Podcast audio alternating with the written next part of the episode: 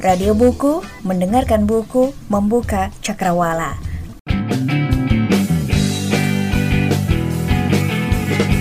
Book lovers, saatnya kita simak angkringan buku. Angkringan buku.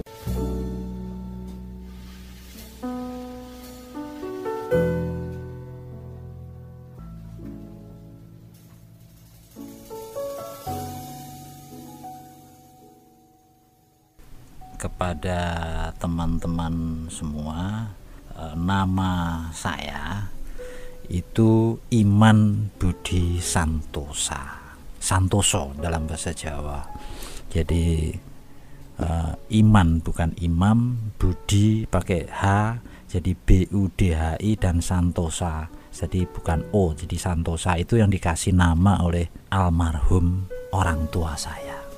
Nah kalau boleh memperkenalkan diri artinya saya lahir di dilahirkan di Magetan Magetan Jawa Timur tanggal 28 Maret 1948 nah itu saya dilahirkan dalam keluarga dulu dari dari mbah. Jadi nunut lahirnya itu di di kakek di mbah yang sangat sangat sangat Jawa, sangat kehidupannya sangat Islam. Jadi Islamnya Islam Jawa seperti itu. Ah, kemudian saya sekolah di di Magetan masih.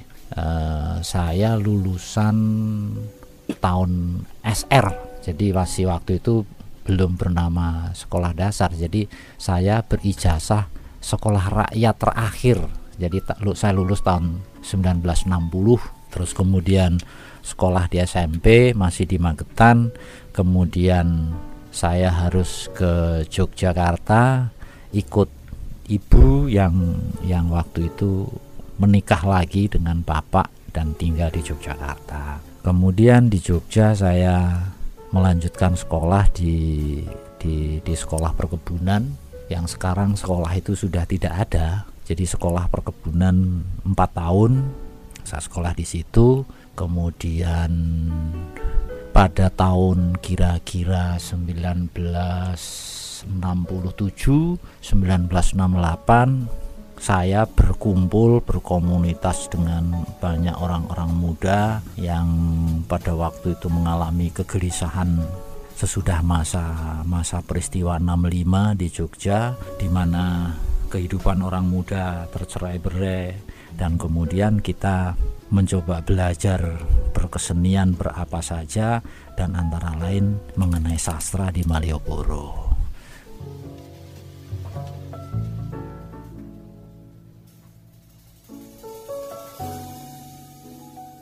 mulai tahun-tahun 67 kemudian saya apa meninggalkan komunitas itu karena berkeluarga, hidup dan kemudian mencoba bekerja dengan baik.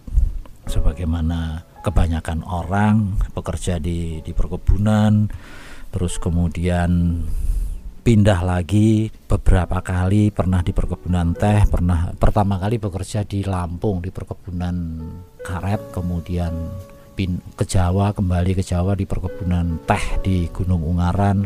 Kemudian keluar bekerja pindah lagi ke pabrik gula pabrik gula di di Pekalongan. Akhirnya diterima menjadi pegawai negeri lah. Itu semacam kayak gitu. Kembali di dinas perkebunan di provinsi Jawa Tengah sampai tahun 89 dan ternyata saya pikir saya tidak tidak cocok untuk jadi saya pikir cukuplah saya mengabdi pada kehidupan yang itu. Nah pada tahun 89 itu saya keluar saya kembali pada dunia saya yang lain yang yaitu di di di di sastra di kebudayaan sampai sekarang ini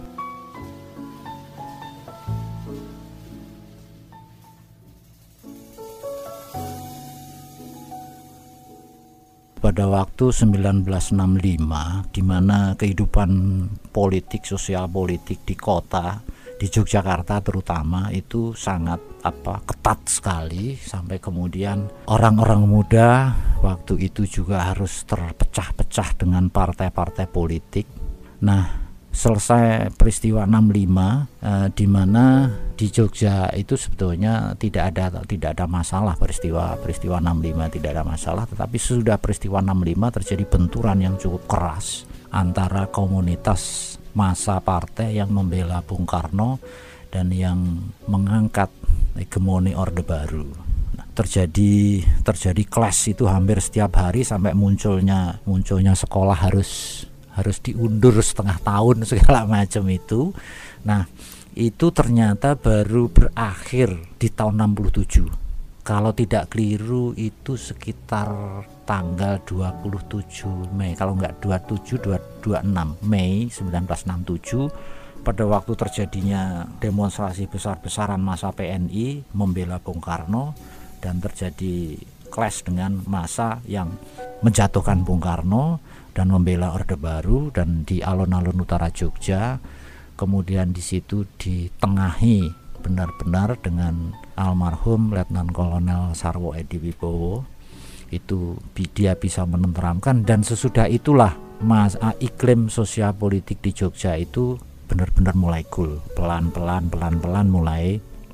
Tetapi yang terjadi semacam kesembuhan itu tidak bisa sekaligus jadi masih ada trauma, masih ada stigma di kampung-kampung bagaimana hubungan-hubungan antar orang muda termasuk yang kreatif yang sebetulnya tidak menyukai partai politik dan selanjutnya itu masih nah uh, itulah akar muasalnya jadi kira 67 8 pada waktu orang sudah situasinya sudah mulai aman bila dibilang demikian tetapi masih belum bisa bergaul dengan orang lain dengan anak muda lain yang itu. Terus kemudian teman-teman yang anak-anak muda yang kreatif yang suka nulis yang suka berkesenian mencari tempat yang bebas. Dan ternyata kebebasan itu terdapat di jalan besar Yogyakarta yang pada waktu itu masih masih agak sunyi masih masih enak demikian yaitu di Malioboro. Malioboro mulai jam kira-kira jam 5 sore itulah anak-anak muda seniman itu muncul ke situ sudah tidak ada batas lagi namanya apa partai politik segala macam tidak ada tidak ada uh, tidak ada sekat-sekat lagi di uh, kisahnya adalah di depan seni sono yang sekarang itu adalah komunitas pelukis di mana yang suka jajak nih teman-teman pelukis itu juga Pak Avandi yang pakai kursi roda terus kemudian agak ke utara lagi di depan di depan apa Hotel Mutiara itu komunitas para para teatrawan, Mas Willy, teater alam, segala macam tuh kalau ngumpul di situ. Dan di situlah akar muasalnya muncul uh, musik puisi di mana anak-anak baca puisi di sudut pojok di sana ada Untung Basuki main gitar. Di tengah-tengah di, di sekitar kepatian lah. Nah itu anak-anak teater. Kemudian di utara depan Hotel Garuda di situ ada majalah setengah mati yang bernama Pelopor Jogja. Uh, di situ ada Umbulan Dupranggi, ada Abdul Hadi WM, ada Muhtar Babo Tinggi, Selamat Jabarudi, Makmur Maka, almarhum Mas Kunto Wijoyo, Darmanto Yatman. Nah, kemudian anak-anak yang lebih muda lagi juga berkumpul dan dari koran yang setengah mati itulah dijadikan markas anak-anak muda untuk belajar sastra. Waktu itu tahun 68 berarti saya 20 tahun. Saya lahir tahun 48. Buku pertamaku.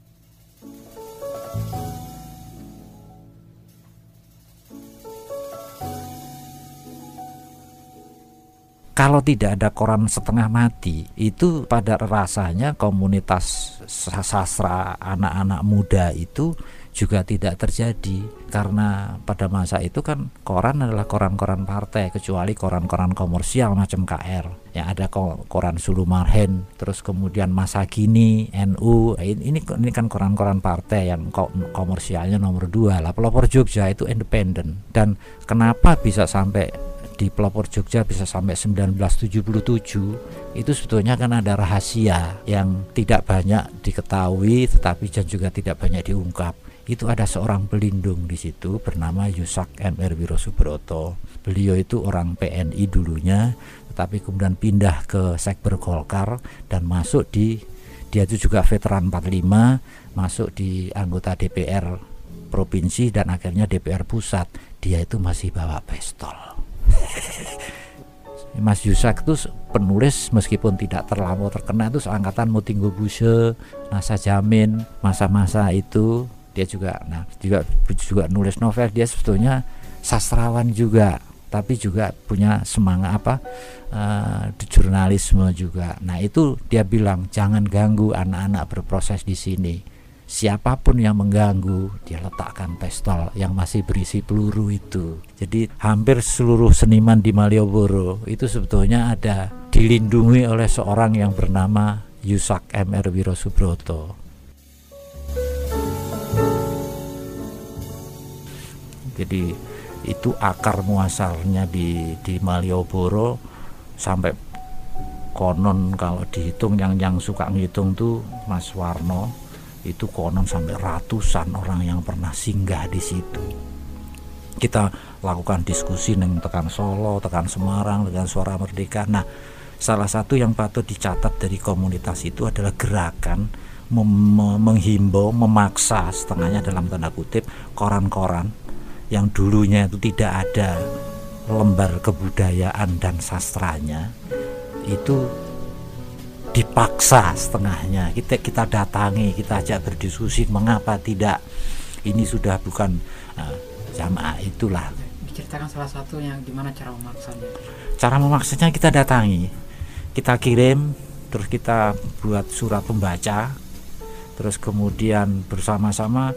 Karena kita sadar dulu ada koran misalnya salah satu contoh di di Solo namanya koran uh, Gelora Berdikari itu terus terang korannya PNI nah kemudian kita bersama-sama dengan teman-teman Solo antara lain Satmowi Arswendo Atmowiloto kita datangi koran itu kita ajak berbicara terus kemudian eh, bagaimana kalau dibuka rubrik itu? Nah, akhirnya suara merdeka juga dulu kan tidak ada ruang kebudayaan di masa itu terus kemudian uh, salah satu sebab mengapa Mas Darmanto Yatman harus diminta pindah ke Semarang itu kan menghidupkan suara merdeka. Kita dorong Mas. Saiki karena istrinya ngasih kuliah di di FKIP KIP dulu di sana. Terus Mas Mas Tok kan ngasih mengajar aja lah di di Undip sambil menghidupkan uh, teater dan dan ruang sastra kebudayaan di Suara Merdeka. Akhirnya mulailah mulai dari satu puisi muncul ada esai sampai kemudian berkembang ada cerpen. Yang sampai sekarang ini sebetulnya juga karena itu ekspresi di Bandung. Akhirnya kita didorong-dorong dari mana? Akhirnya memunculkan Tarsi Kalsum Bahri membidani eh, koran itu di Bandung terus kemudian ini apa uh, Prio eh apa lali sing sing sing korannya korannya kami itu. Akhirnya juga yang yang kantorin yang Arma 11 dulunya sangat sangat esainya isinya politik saja. Terus kemudian kita ah, muncul masuk di situ eh, lembar-lembar uh, kebudayaan. Akhirnya yang yang mengurus semacam SPD Setiawan pada waktu sih masih masih kuliah di Jogja. Nah uh, akhirnya hampir semua koran yang majalah yang kita kita min di masa itu berhasil memunculkan lembar kebudayaan sastra dan kebudayaan. Nah umbu di komunitas itu sebetulnya hanya se se seperti apa ya seperti orang tua. Dia tidak pernah salah satu ke saya, saya, saya secara pribadi saya melihat kehebatan dia karena dia tidak memaksa dan tidak memberi petunjuk. Dia hanya menemani teman-teman berproses. Jadi dia tidak pernah mengatakan begini begitu enggak. Dia hanya justru kepandaian dia di dalam memacu dan menemani itu yang paling paling unggul dari dari umbulan Peranggi. Yang itu tidak dimiliki karena dia akhirnya juga nggak selesai kuliah. Itu kan nggak selesai kuliah. Pada waktu itu dia dapat suka suka dapat kiriman. Beberapa kali saya tahu dia dapat kiriman kuda lima dari Sumba lewat lewat Semarang. Terus kemudian hanya dijual. Terus kemudian nyaris dia hanya untuk menghidupi anak-anak yang yang dalam tanda kutip gelandangan pada waktu itu. Sekolah juga antara iya dan tidak. Iklim iklim iklim sekolah waktu itu memang jadi down betul. Nah kemudian sesudah kira-kira 72 73 naik itu mulai situasinya sudah sudah ada sudah makin makin apa ya makin tertata makin jelas kalau misalnya sekolah itu mau bagaimana bagaimana kuliah lagi bagaimana itu itu makin nah pada waktu transisi di tahun 60-an akhir 60-an itu memang benar-benar nggak tahu lagi. Miskin wong beli buku aja nggak bisa bukunya juga gak ono. Itu yang yang jadi jadi peran umbu pada waktu itu nyaris seperti seperti apa ya? Seperti seperti seperti teman teman yang teman yang lebih tua yang tidak dia itu menemani menemani anak-anak di berproses mau ke mana.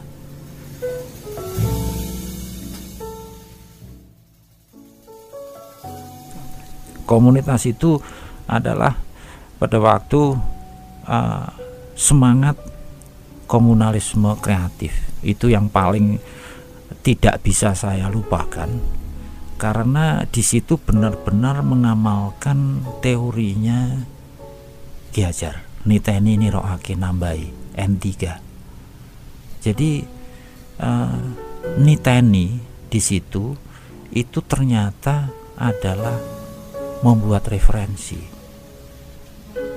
Membaca banyak. Niteni dari situ tuh niteni apa yang apa yang pernah dibaca itu di niteni kemudian uh, semangat yang kedua ada ada Niro Age mungkin memunculkan plagiasi-plagiasi.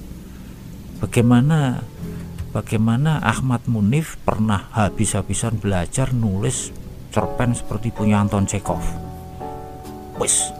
Sampai kemudian pada suatu saat dia dengan bangganya mengatakan aku iso nulis kayak DNN pada waktu dan itu ditunjukkan tanpa malu pada teman-teman. Benar-benar ditunjukkan ini. Dan kemudian teman-teman menilai dibandingkan iyo kui kok iso ini nah itu ter, nah, terus kemudian pada tahap ketiga nambai itulah sebetulnya kreativitas.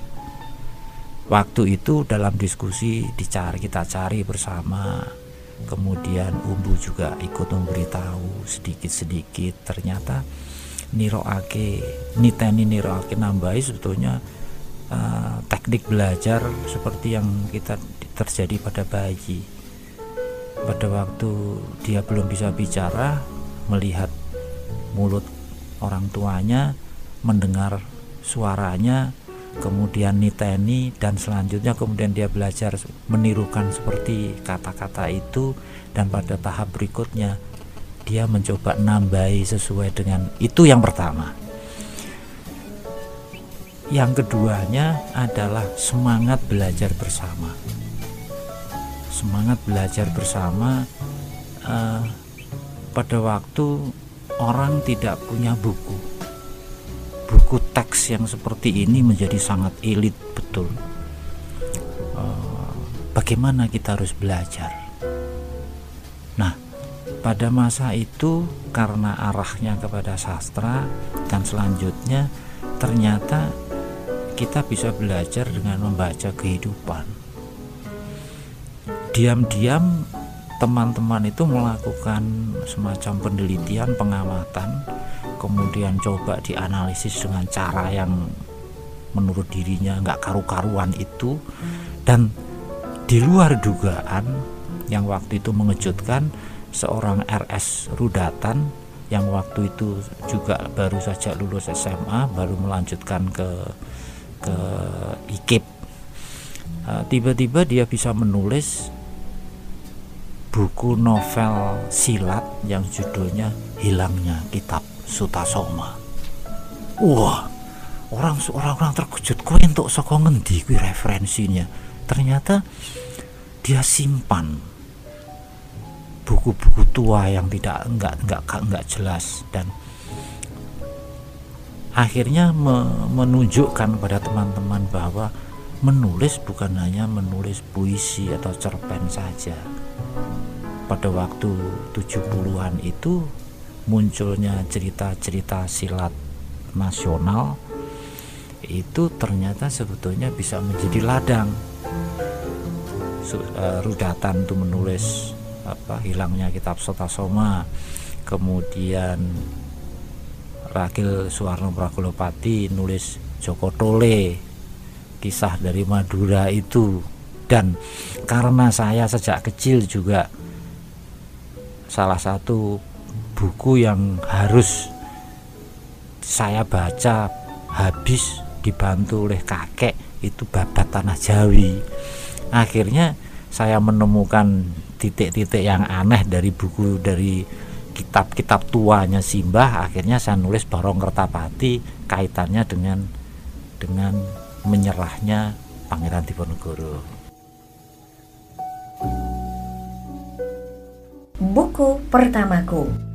Kalau mengenai lima buku, itu saya tidak bisa mengatakan buku yang sekarang, tetapi seperti tabiat saya yang tidak pernah meninggal bisa meninggalkan masa lampau itu kata teman yang yang suka pada grafologi itu karena tanda tanda tangan saya itu menunjukkan orang yang tidak pernah bisa meninggalkan masa lalu. Jadi kalau mengenai buku pertama, jadi kalau lima buku yang paling berpengaruh pada hidup, semangat, kreativitas, spiritualitas saya itu pertama adalah bernama buku hidup itu sendiri. Itu yang di di dipesankan dengan amat sangat oleh almarhum Simbah kakek saya. Buku hidup. Jadi uh, saya diminta secara agak keras waktu itu itu mengamati kehidupan-kehidupan pertanyaan misalnya tiba-tiba beliau bertanya le graji kui enteke dinggo ngopo saya saya berpikir keras nggak tahu sih ternyata sudah saya amati gergaji itu habisnya bukan untuk menggergaji tetapi karena dikikir. Nah kemudian Simbah memberikan solusi yang sederhana. Jawaban sederhana berarti menungso kuwi entah tinggu sinau gitu. Nah itu kalau misalnya saya tulis saya itu itu hampir tidak terukur itu.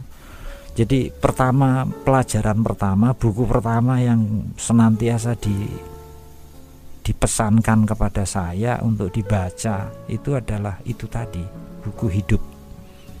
Jadi Simbah ibu pada masa kecil sekali senantiasa mengenai kena ngopo to kok anek suara kok pring iso muni? Grit-grit kayak seperti itu kena angin supaya mengamati diamati.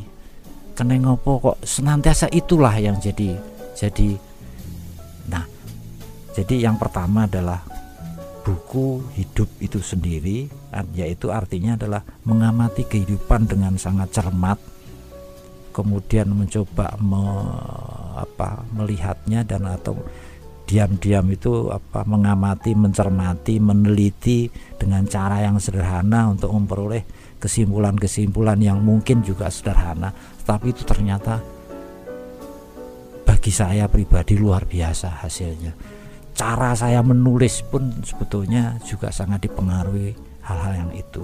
Yang kedua, buku pakem yang dipaksakan betul-betul adalah babat tanah Jawi.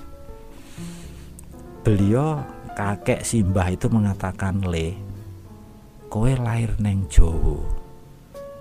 Jadi kowe kudu ngerti nomor siji Jowo itu apa. Dan antara lain adalah disuruh membaca sejarah babat tanah Jawi. Ya saya belum bisa mojo tapi diwaca ke di situlah eh, ada perasaan apa diam-diam saya merasa punya jadi punya identitas. Identitas awal saya sebagai sebagai Jawa itu pada waktu itu diajari mojo itu. Kemudian kelas loro SD SR diajari nembang sinom dalani guno lawan sekti. Itu menjadi buku lengkap pelengkap dari bapak tanah Jawi yang harus hafal lebih dulu. Maknane nanti di, dijelaskan kemudian pada waktu berkembang lebih lebih dewasa lagi pada waktu sekolah sekolah sekolah masih sangat sangat ilmu uh, belajar itu belum Kemudian kaitannya dengan sastra kebudayaan e, buku yang sangat saya kagumi itu kalau misalnya dengan di prosa adalah Iswaste setahun di Bedahulu. Jadi itu juga saya pikir pengaruh daripada etnisitas itu e, sulit sekali pada pada masa di tahun tahun-tahun itu orang menulis mengenai Bali sampai saya bisa merasakan betul Iswasta is, uh, Semarawima yang yang luar biasa menariknya.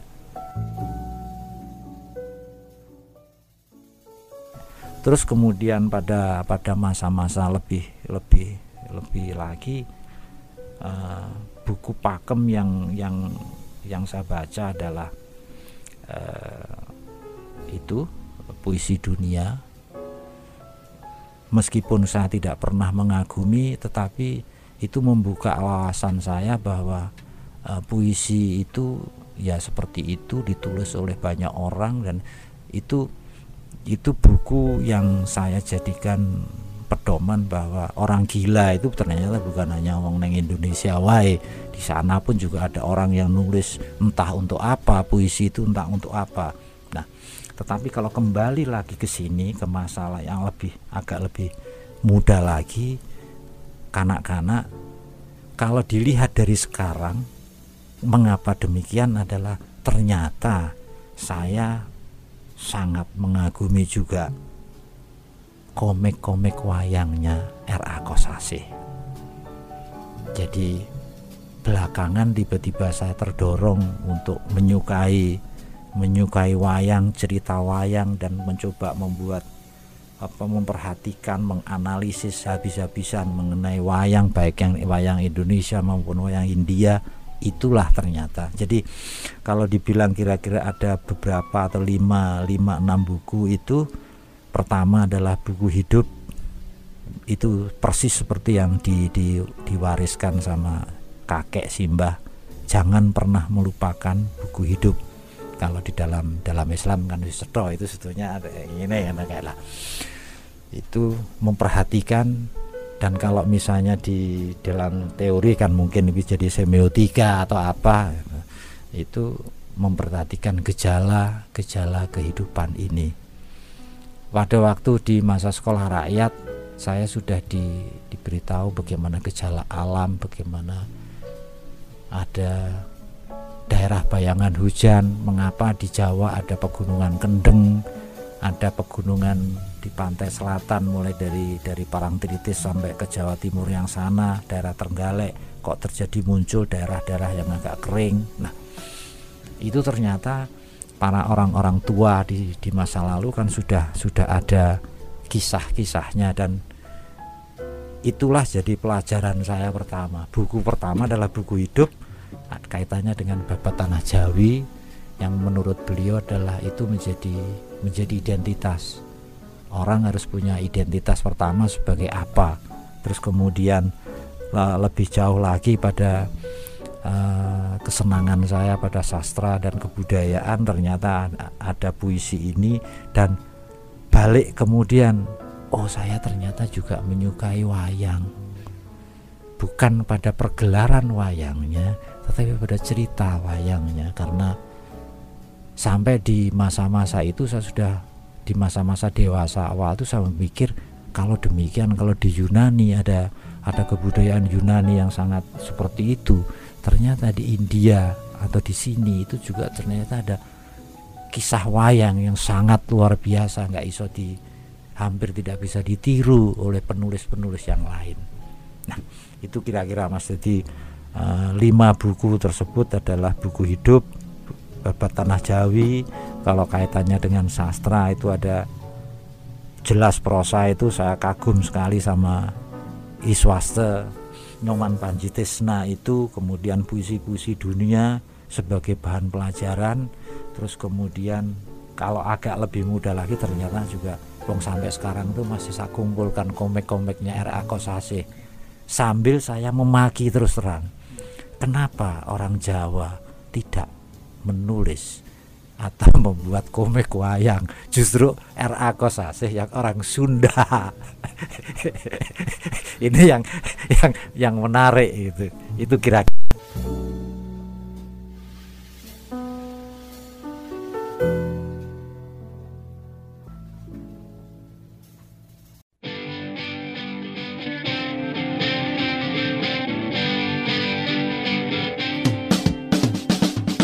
Radio Buku, mendengarkan buku, membuka cakrawala.